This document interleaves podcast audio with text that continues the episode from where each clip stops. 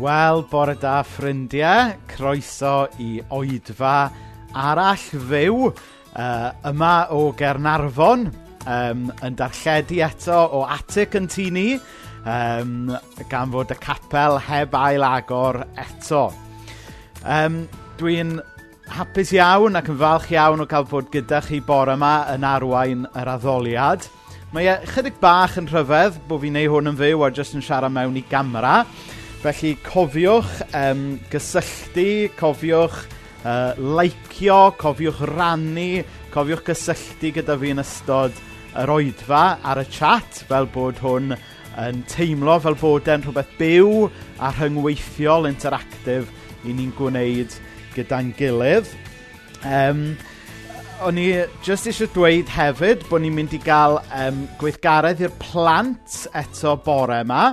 Um, felly os oes yna deuluoedd a plant yn gwylio bore yma, yna y gweithgaredd bore yma yw gwneud map môr ladron a wedyn bod y map yma'n arwain at groes le fydd na drysor. A wedyn gewch chi glywed um, ar ddiwedd yr oedfa um, sut mae hwnna'n clymu mewn efo'r efo neges fydd gyda ni i'r oedolion hefyd. Felly, gwneud map o Ynys Moradron gyda llwybr yn arwain at y trysor a cofiwch roed croes lle mae'r trysor. A wedyn yn ystod y bregeth, erbyn diwedd y bregeth, allwch chi, os ych chi moyn, allwch chi ddanfon, gofyn i mam a dad, uh, neu nain a tai, ddanfon llun o'r map i fi um, ar WhatsApp a wedyn ewn ni drio rhannu rhai ohonyn nhw ar ddiwedd yr oedfa. Felly, um, croeso cynnes iawn i deulu Cersalem, aelodau Cersalem sy'n tiwnio mewn, ond croeso arbennig i ffrindiau sy'n falle yn tiwnio mewn, e, pobl o Gynarfon, pobl o Dihwnt. Dwi'n gweld bod yna rai ffrindiau o Aberystwyth yn gwylio a rhai ffrindiau yr holl ffordd o Lunden yn gwylio. Felly croeso cynnes i chi gyd. Gewn ni air o weddi cyn bod ni yn mynd yn yn blaenau. O ddiw dad, i ni'n diolch i ti am y diwrnod newydd yma. Yng nghanol byd cyfnewidiol, yng nghanol byd ofnau, i ni'n diolch yn bod ni bore yma yn gallu dod ato ti i gael nerth a gobaith. Yng nghanol byd sy'n cynnig pob math o bethau newydd i ni, i ni'n troi ato ti am obaith newydd.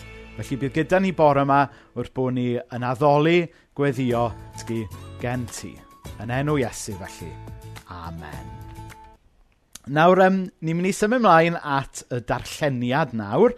Ac i ddweud y gwir, mae e union rhan darlleniad a wythnos diwetha, achos yn bod ni ar hyn o bryd yn neud cyfres um, yn mynd trwy y rhan yma o lythyr Pôl at yr Effesiaid. Felly fi'n darllen um, adnodau o ddechrau Effesiaid 1.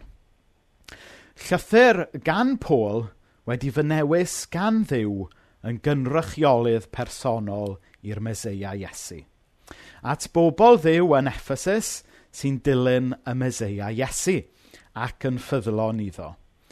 Dwi'n gweddio y byddwch chi'n profi'r heilioni rhyfeddol a'r heddwch dofn mae Dyw ein tad a'r arglwydd Iesu Grist yn ei roi i ni.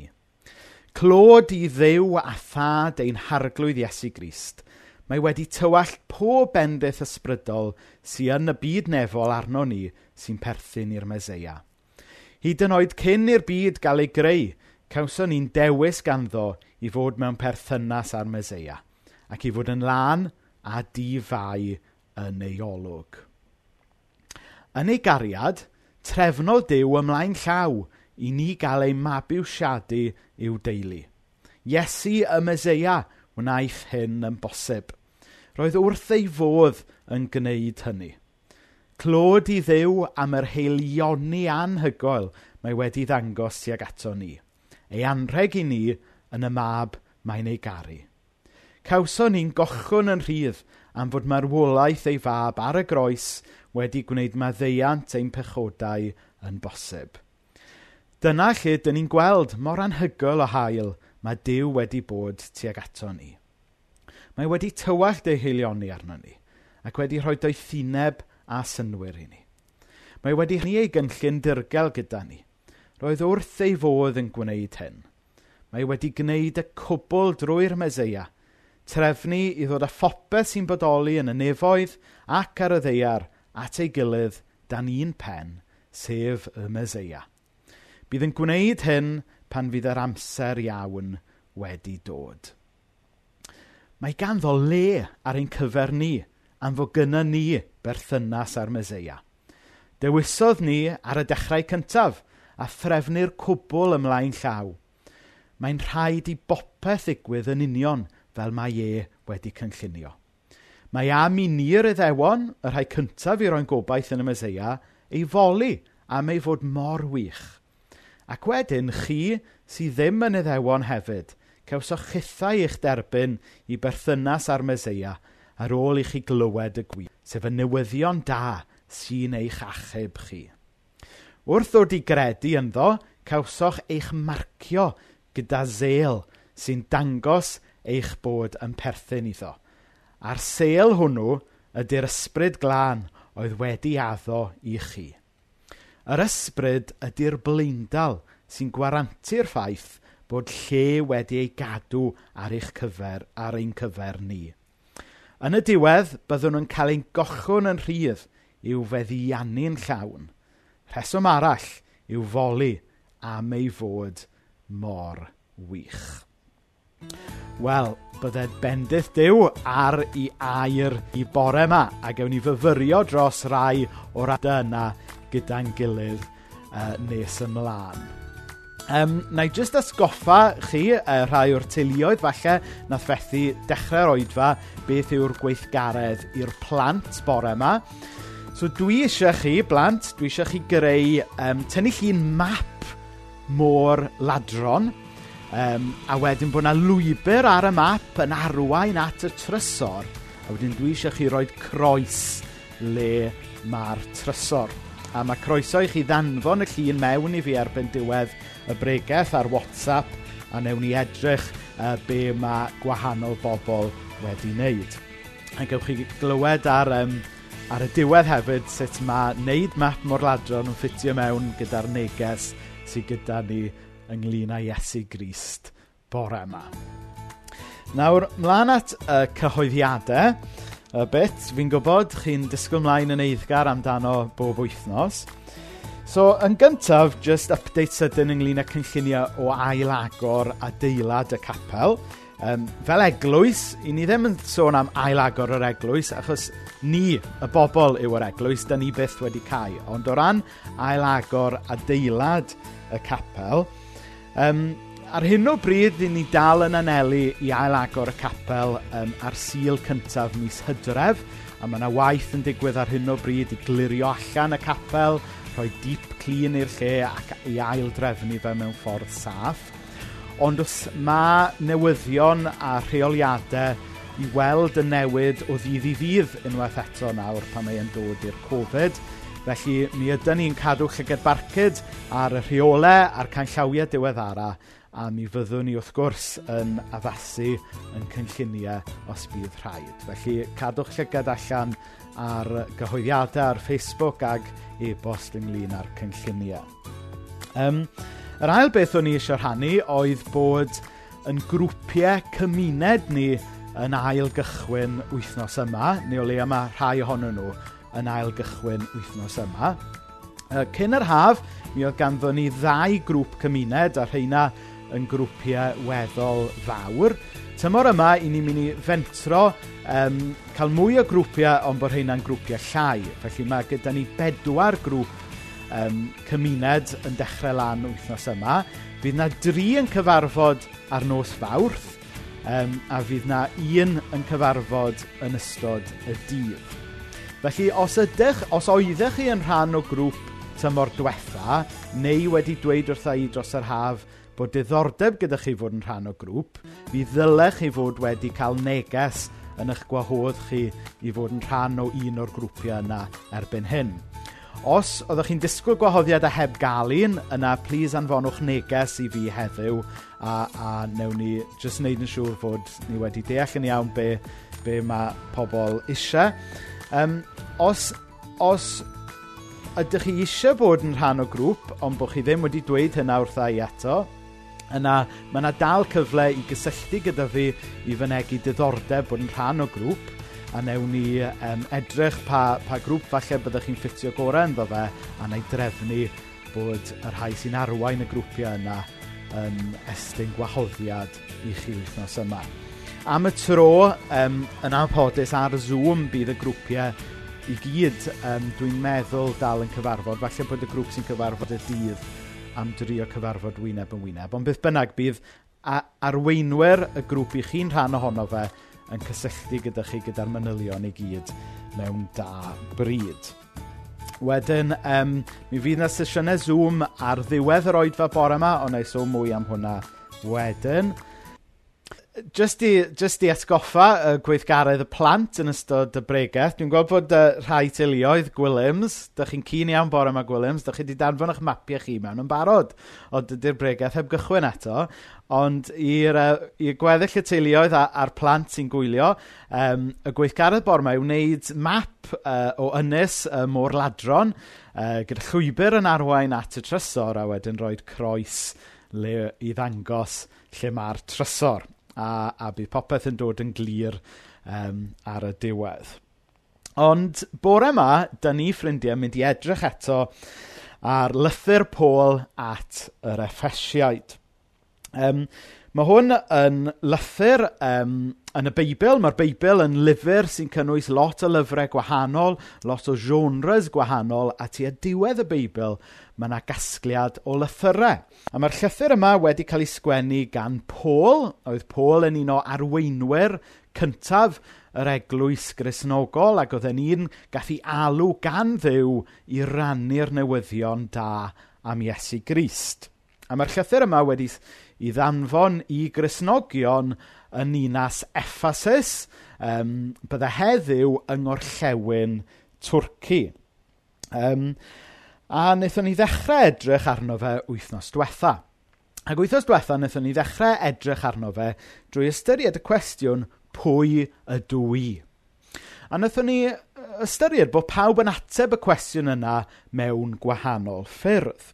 Rhai pobl yn ateb y cwestiwn yna ar sail o le maen nhw'n dod, pobl eraill yn ateb y cwestiwn ar sail be sydd gyda nhw, i eiddo nhw. Um, rhai pobl yn ateb y cwestiwn ynglyn â be maen nhw wedi gwneud. Ond on, on wedyn rhai pobl falle yn cario y baggage o rhywbeth maen nhw wedi methu i wneud. Felly, i ni'n ateb y cwestiwn pwy ydw i mewn lot o ffyrdd gwahanol. Ond wnaethon ni weld wythnos diwetha fod Paul yn ateb y cwestiwn pwy ydw i, nid ar sail beth oedd e'n gwneud, ond beth oedd Dyw wedi gwneud drosto fe. A wnaethon ni ystyried fod yna wahoddiad i bob un ohono ni wneud rhywun peth. Wrth gwrs bod yna rannau arall i gael o pwy ydy ni. Wrth gwrs bod o le ni'n dod yn bwysig a pwy yw yn teulu ni a falle beth i ni'n gwneud. Mae popeth fel yna yn bwysig yn ei le. Ond mae e'n hyfryd, yn dydi, meddwl bod ni'n cael yn gwahodd i ddiffinio pwy ydyn ni ar sail be mae Dyw trwy ei gariad, wedi wneud drosto ni. A wnaethon ni fy mlaen i weld wedyn fod Paul yn cyfeirio at bobl oedd wedi credu a trystio ni Iesu fel saint. A wnaethon ni feddwl, wel, i ni meddwl am saint falle, fel jyst rhyw deitl arbennig mae rhai pobl yn unig yn ei gael, pobl bwysig yn hanes y ffydd. Ond actually, os ydych chi yn credu yn Iesu, os ydych chi wedi trystio yn Iesu, mi ydych chi yn sant. Felly, a tafod yn y bwch, nes i herio chi ialwch gilydd yn saint dros yr wythnos fiodd. Chybod, pan ych chi'n ffonio um, neu e-bostio arwel, yn hytrach na dweud anwyl arwel, dwi eisiau chi roed anwyl sant arwel, a wedyn gweld pa fath o ymateb gewch chi. Ond yn olaf wedyn wythnos diwetha, wnaethon ni ystyried fod, mae, bod y gair sant actually ddim yn y Beibl um, yn aml iawn os o gwbl. Be sydd yna ydy saint, hynny yw y lluosog. A eithon ni'n atgoffa fod Dyw eisiau bob un ohono ni yn bersonol i ymateb i'w gariad ac i gredu, Ond bod y ffydd grisnogol yn ffydd unigolyddol, individualistic. Ond mae e'n ffydd i ni'n cael yn galw i fyw allan mewn cymuned gyda Crisnogion eraill.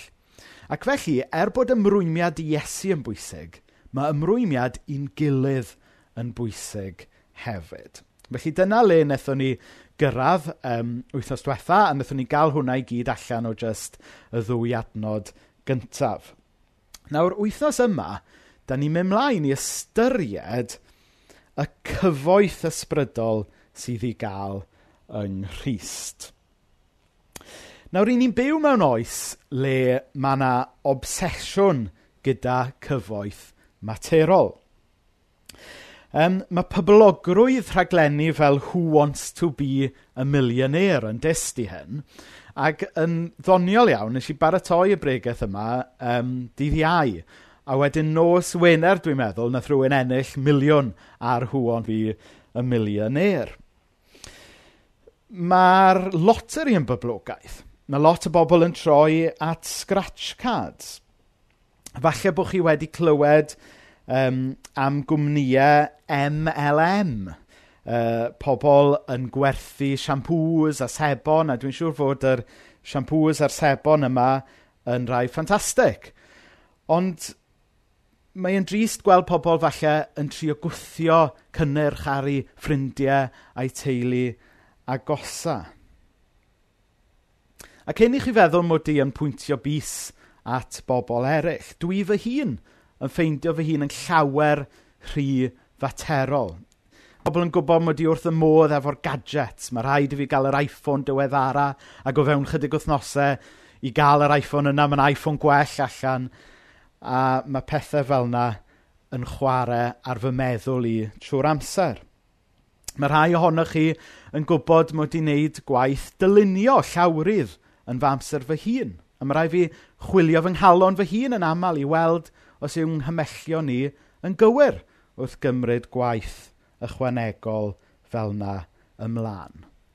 Dan ni gyd weithiau'n ffeindio'n hunan yn slipio mewn i'r trap yma o feddwl, os allwn ni gael chydig bach mwy o arian, chydig bach mwy o gyfoeth, mi fydd yn bywyd ni gymaint a hynny yn well. Nawr, bob blwyddyn, mae'r Times yn cyhoeddi rich list o bobl cyfoethoca Prydain. Ac ar dop um, y rhestr eleni oedd James Dyson, yy dyn sy'n gwerth un deg chwech biliwn. Um, James Dyson, it's in the name, mae e'n enwog am wneud yr Hoovers wrth gwrs. Um, a mae'n debyg fod y gwerth 16 biliwn. Felly, tasa, jyst i roi hwnna mewn cyd-destun, tasa James Dyson yn wlad, bydde fe yn wlad gyfoethocaf bydde fe'n wlad fydde'n fwy cyfoeth na'r 70 o wledydd tlotaf yn y byd. Dychmygwch fod un dyn, tas y fe'n wlad, a mwy o arian na 70 o wledydd tlotaf y byd. Nid yn combined gyda llaw, rhaid gofyn i Martin neud y Sims a Halanega Saki fi nes ymlaen. Um, falle yn fwy trist, o'n i'n sylwi ar y rest, mae rhai o'r pobl sydd wedi cynnyddu fwyaf um, dros y flwyddyn diwetha ar y Rich List ydy perchnogion y cwmni Et365. So pobl sydd wedi gwneud arian um, wrth unistrio bywydau a chymryd pres gan bobl eraill a pobl bregus. I ni'n byw mewn oes yn dydyn, dyma dwi'n trio darlunio, le mae pobl yn chwilio am gyfoeth, mae pobl yn chwilio am arian, a dwi cynweithred ag unrhyw un. Mae'r, mae'r, mae e'n rhan ohono ni, y syniad y gallwn ni brynu neu all cyfoeth ddod ar rhyw hapusrwydd a cyflawnrwydd yn bywyd ni. Ond y newyddion da yw, mae'r adnodau da ni'n mynd i droi ato nawr yn dangos i ni fod yna gyfoeth llawer dyfnach, fod yna gyfoeth llawer fwy crwn fod yna wir gyfoeth, cyfoeth sydd yn cyfru ar gael i ni yn Iesu Grist. A bore yma, i ni'n mynd i ystyried yn cyfru balans ysbrydol ni. Nawr, tybed pa mor aml dych chi yn checio eich bank balance? Dwi'n gwybod fod yna rhai o deulu um, Cersalem wedi um, cychwyn ôl yn y brifysgol wythnos yma neu yn gwneud dros yr wythnosau nesaf. A dwi'n siŵr mae un o'r pethau fydd eich rhieni chi wedi dweud wrthoch yw cofiwch checio'ch bank balance yn aml. Um, ag dwi'n cofio, um, dwi'n cofio un tro pan o'n i yn blwyddyn gyntaf coleg. Um, tua diwedd y tymor cyntaf. A dwi'n cofio checio'n bank balance i pob cyn bod fi'n tynnu arian allan. A pob tro ni'n checio, oedd y swm yn mynd yn fwy. Ac o'n i'n meddwl, o, oh, chwarae teg, mae rhaid bod dad yn topio fyny yn y county bob wythnos. A wedyn, dwi'n cofio ffonio dad i, i sgwrsio ynglyn â hyn. A o oh, na, oedd dad ddim wedi bod yn topio fyny yn bank balance i o gwbl. A wedyn nes i checio eto ac actually mynd mwy a mwy mewn i'r overdraft o'n i, heb sylwi. Um, a mae hwnna yn dangos yn dydy, fatha sut mae rhaid ni fod yn ofalus gyda pobl. Ond y cwestiwn sydd gyda fi bore yma ydy beth am yn bank balance ysbrydol ni? Yn adnod um, tri, um, i ni'n darllen fel hyn, Clod i ddew a thad ein harglwydd Iesu Grist. Mae wedi tywallt pob bendith ysbrydol sy'n yn y byd nefol arno ni sy'n perthyn i'r Meseia. Pob bendith ysbrydol. Felly be mae yr adnod yna'n dweud yw yn bod ni wedi cael cyfoeth llawn sy'n nid yn unig yn clirio pob dyled, ond yn rhoi cyfoeth diben draw yn y pethau sydd yn cyfri. Mae'n debyg, yn yr iaith wreiddiol, bod yr ymadrodd yma pob bendith ysbrydol yn digwydd unarddeg o weithiau rhwng adnodau tri ac un deg pedwar. A bod hwnna jyst yn dangos gymaint o ras a chariad a cyfoeth ysbrydol mae Iesu yn tywallt a pentyrru mewn i'n bywydau ni. Nawr maen nhw'n dweud fod dim byd mewn bywyd am ddim. Ac os ych chi'n prynu par o jeans am ddecpunt mewn rhyw siop, yna falle bod yn rhad i chi, ond achos bod rhywun arall wedi talu y pris mewn sweatshop yn China. Ac ar ryw wedd, mae'r un peth yn wir ynglyn â cyfoeth ysbrydol. Da ni yn cael maddeiant hollol am ddim. Da ni yn cael yn holl ddyledion ysbrydol wedi clirio am ddim. Ond mae yna rhywun wedi talu y pris. A'r rhywun yna ydy Iesu Grist. Ac 'y ni'n gweld hynna yn adnodau chwech a saith fel hyn. Clod i ddew am yr heilioni anhygol mae wedi ddangos tuag ato ni. Ei anrheg i ni yn y mab mae'n ei garu. Cawson ni'n gochwn yn rhydd am fod marwolaeth ei fab ar y groes wedi gwneud mae ddeiant ein pechodau yn bosib. Dyna lle dyn ni'n gweld mor anhygoel o hael mae Dyw wedi bod tuag ato ni. Felly chi'n gweld yn yr adnodau yma yn bod ni yn cael cyfoeth ysbrydol yn hael am ddim.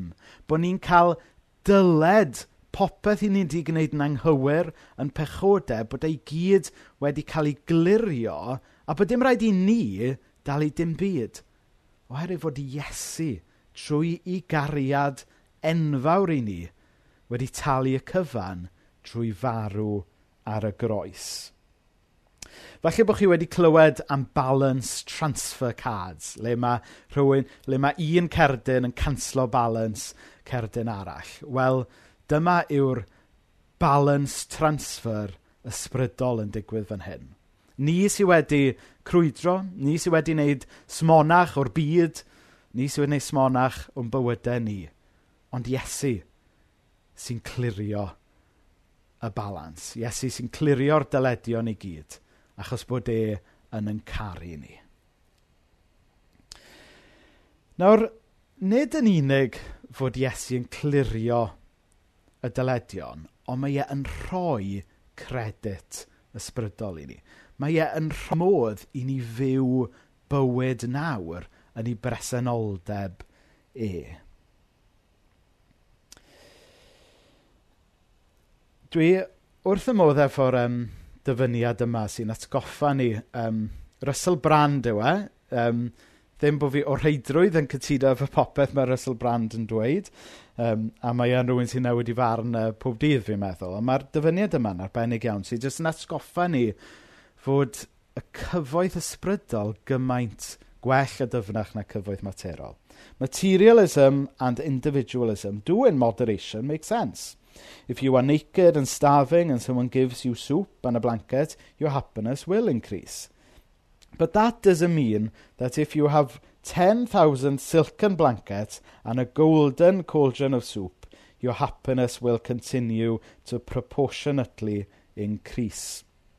For me, this has to be primarily spiritual and secondary political.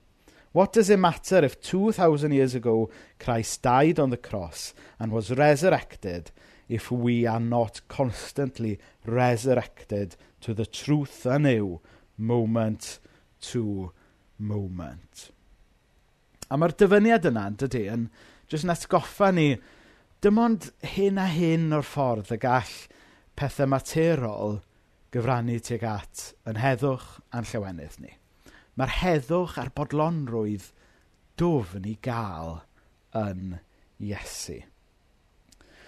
Nawr, dwi jyst am um, orffen bore yma drwy jyst atgoffa chi o rhai gwirioneddau ddylai newid yn prospectif ni. Felly, cyfoeth yn Iesu – Mae'n atgoffa ni bod ni wedi yn dewis yng Nghyst. Ac ni'n gwna yn adnod pedwar, ymddeiriadau bod yn ymhen i lawr fan hyn yn dilyn y nodiadau. Yn adnod pedwar i ni'n darllen, hyd yn oed cyn i'r byd gael ei greu, cawson ni yn dewis ganddo i fod mewn perthynas ar Meseia ac i fod yn lan a difau yn ei olwg. Mi wyt ti mor werthfawr yng ngolwg Dyw nes bod e wedi dy ddewis di yng Nghyst. I ni wedi cael ein mabwysiadu yng Nghyst, adnod 5. Yn ei gariad, trefnodd Dyw ymlaen llaw i ni gael ein mabwysiadu i'w deulu. Iesu y Meseia wnaeth hyn yn bosib. Roedd wrth ei fodd yn gwneud hynny. Nawr mae'r concept o fabwysiadu yn bwysig yn dydy fod, fod plentyn oedd falle ddim yn naturiol yn rhan o un teulu, yn dod yn rhan o deulu arall gyda'r holl freintiau a chariad sy'n dod gyda hynny. Felly meddyliwch, os ydych chi falle yn teimlo bod chi ar goch ddim yn perthyn i'n unlle, wel mae Iesu yn cynnig eich mabwysiadu chi mewn i'w deulu fe. Pwynt 3 i ni yn rhydd ac wedi yn maddau yng Nghyst. Ni'n gweld hynny yn adnodau 7 ag 8. Cawson ni'n gochwn yn rhydd am fod marwolaeth ei fab ar y groes wedi gwneud maddeiant a pechodau yn bosib. Falle eich bod chi bore yma yn cario rhyw bwysau o gwmpas gyda chi. Falle bod yna rhyw, um, rhyw fai Falle rhyw bechod falle, dych chi ddim wedi cyfaddau i chi eich hun, heb sôn am gyfaddau ger bron Duw. Wel, mae yna groeso bore yma i i ni ddod am beichiau, i ni ddod a'n pechodau, a dod yn at y groes, a derbyn y rhyddid a'r maddeiant mae Iesu wedi drefnu a wedi prynu i ni. Yn bedwerydd, i ni'n ddisgwylgar yng Nghyst. Mae wedi rhannu ei gynllundirgael gyda ni, roedd wrth ei fodd yn gwneud hyn, mae wedi gwneud y cwbl drwy'r Meseia, trefnu ddod â popeth sy'n bodoli yn y nefoedd ac ar y ddeiar at ei gilydd dan un pen, sef y Meseia. Nawr mae'r syniad yma bod ni'n gallu bod yn ddisgwylgar yn Iesu, dwi'n meddwl yn, yn arbennig o bwysig yn y moment yma i ni'n ffeindio'n hunain mewn hanes. I ni'n byw mewn dyddiau dyrus. I ni'n byw mewn dyddiau o ofn, le ni falle ddim yn siŵr be mae'r wythnos nesaf gyda mewn stori ni, heb sôn am y misoedd a'r blynyddoedd nesaf. Ond un o'r pethau hyfryd ynglyn â'r ffydd grisnogol yw bod e'n dysgu ni fod yn ddisgwylgar bod Iesu yn y diwedd mynd i roed popeth yn iawn. Mae'r Beibl yn s- Iesu yn y diwedd mynd i sychu bob deigryn, ac y bydd pob poen a pob marwolaeth yn y diwedd yn dod i ben. A mae disgwyl ymlaen i hynna ddod i'w gyflawniad yn helpu i ni wrth fyw trwy amser anodd heddiw falle. A wedyn yn olaf, yng Nghyst, i ni yn gallu bod yn ddiogel. Wrth o adnodau 13 ac 14. Wrth o di gredu ynddo, cawsoch eich marcio gyda sel sy'n dangos eich bod yn perthyn iddo. A'r sel hwnnw ydy'r ysbryd glân oedd wedi addo i chi. Yr ysbryd ydy'r bleindal sy'n gwarantu'r ffaith bod lle wedi gadw ar ein cyfer ni. Felly, o'n i'n sôn yn y pwynt blaenorol am fod yn disgwylgar yn disgwyl ymlaen i'r dydd pan fydd Iesu'n rhoi popeth yn iawn. Ond i ni'n cael rhodd yr ysbryd glân nawr i, i brofi rhywbeth o'r hyn fydd eto yn dod yn gyflawn. Felly, jyst i gloi bore yma. Wrth ystyried balans ein banc ysbrydol – Mae'n bwysig bod ni'n cofio bod Christ wedi delio gyda dyledion ddoe. Mae e wedi rhoi digon o ras a chariad i ni fyw heddiw. A mae yna ddigon o gyfoeth ysbrydol mewn stor gyda fe wrth i ni wynebu fori yn ddisgwylgar. Felly'r cwestiwn olaf a'r cwestiwn heriol sydd gyda fi reit ar y diwedd fel hyn yw hyn. Ydych chi wedi agor cyfri y manc ysbrydol Iesu Grist. Mae'r cwestiwn bach yn cheesy o'i roi defal na, ond yng nghanol byd le ni'n troi at lefydd eraill i wylio am gyfoeth a hapusrwydd, ydy ni bore yma wedi troi at yr un sy'n rhoi di gyfoeth, sy'n rhoi di gariad, heb ddisgwyl dim yn ôl. Gen i blygu pen mewn gweddi.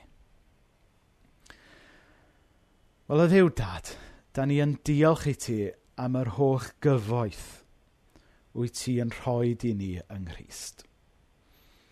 I ni'n diolch fod ti yn clirio yn cydwybod. I ni'n diolch fod ti'n delio gyda dyled, pechod, popeth i ni'n di gwneud yn anghywir, ac wyt ti'n gwella brywiau ddoe. O ddiw dad, i ni'n diolch fod ti yn tywallt dy holl fendithion ysbrydol i ni. Fel yn bod ni'n gallu byw o ddew dad gyda'r bes lefel yna o heddwch hyd yn oed mewn byd sydd yn crynu o'n cwmpas ni. O ddew dad, i ni'n disgwyl ymlaen hefyd yn ddisgwylgar i'r dydd pan fyddwn ni'n gallu profi yn llawn. Y dydd pan fydde di yn sychu bob deigryn, y dydd pan na fydd poen am arwolaeth mwyach. O ddiw dad, i ni'n diolch dy fod ti yn yn caru ni ac yn tywallt dy holl fendithion ysbrydol i ni. Felly o ddiw dad, helpa unrhyw un sy'n gwylio hwn, sy'n falle heb gymryd y cam yna o gredu a trystio yno ti, i wneud hynny mewn ffydd bore yma. Yn enw Iesu. Amen. um, da ni'n mynd i gael can nawr. Nawr mae'r gan yma iawn, um, dwi'n teimlo bod angen fi ymddeheuro cyn chwarae y gan nesaf yma.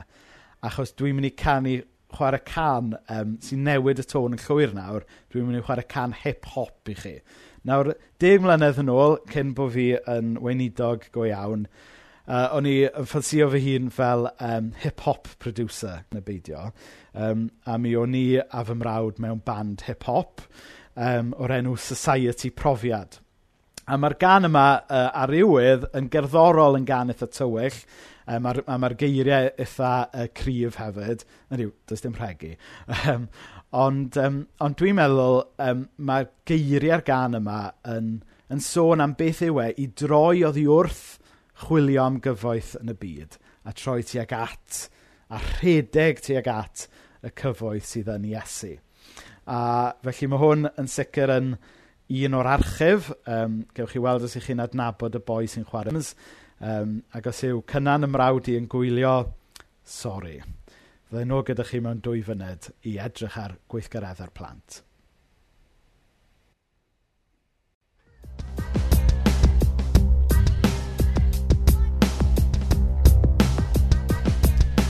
trwy fy mywyd. Fi'n ei gorfod i fod e yma Ond yn gwbl i fy holl fi eidra Byw fy mywyd i fi a neb arall. Byw fy mywyd yn holl o fi ddeall. Yn ddall i'r gwirionedd Am goleini a ddim y bec So dim ie dim am pechu ie Byw fy mywyd a blesurau'r byd Mwy mwy a mwy a mwy a mwy o hyd. O'n i'n gweld dim yn y twyllwch Gwynebaeth fy meiau a gweld yr han yn frydwch Ond yn awr Lle o'n i fod troi, lle caf ei achau Yn lle jyst ffoi. Yn lle dianc Fe droes at grym cariad, cariad adad mab O fath am ddiffyniad, ie, yn y gair. Cys lawn ar y gyhoeddiad, yn waid y groes Cys lwyr iachad, achad. Am i ddoedd fy ngheisio i Profais a tebais nawr rwy'n addoli Nawr yn troedio yn y leini gyda gif Rwy'n datgan ei enw gyda un llyf Rhaid cyhoedd yn glir Am yr un mawr sy'n ffrind pennau i lwch y llawr Mae'n darparu hafan O oes i oes i ber y berfynion ie ar y groes. Rhedeg, rhedeg at o sefa'n gras Yn ei bresenoldeb does gan diflas Rhedeg, rhedeg at o sefa'n gras Yn ei bresenoldeb cam blas Ond deyrnas, rhedeg, Rhedeg at o sefa'n gras.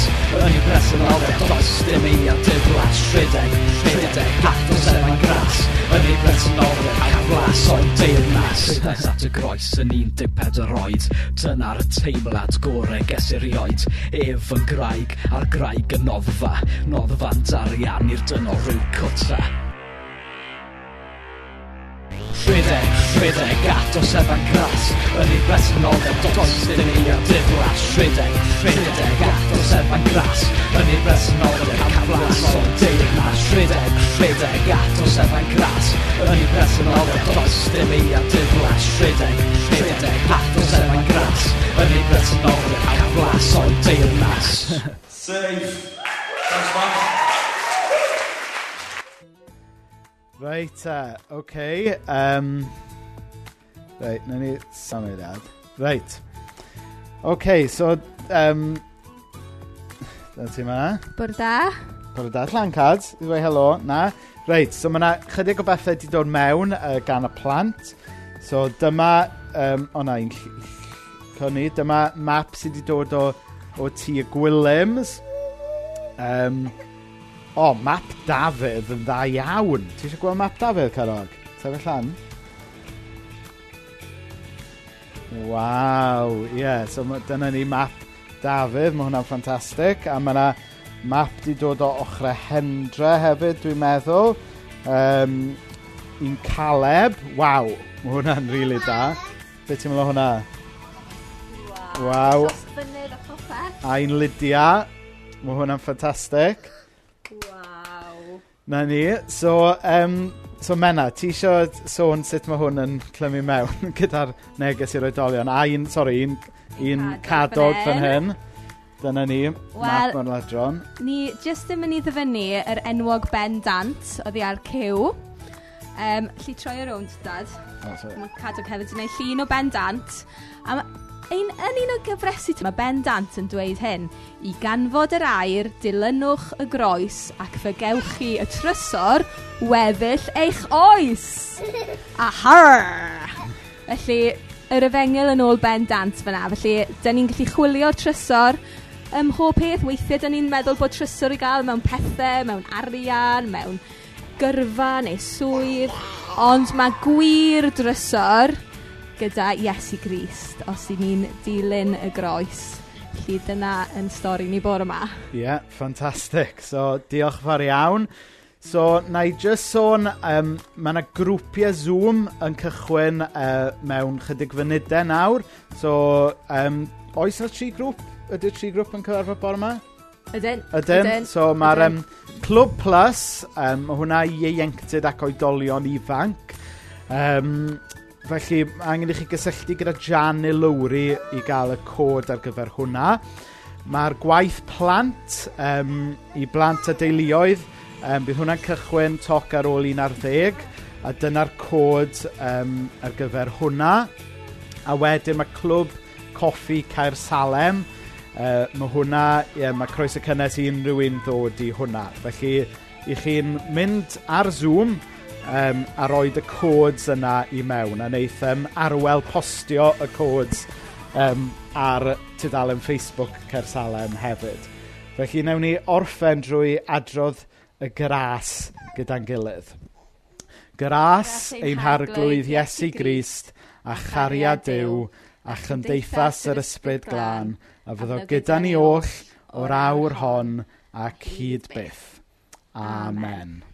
Dyna ni ni, ffrindiau. Newn ni weld chi wythnos nesaf.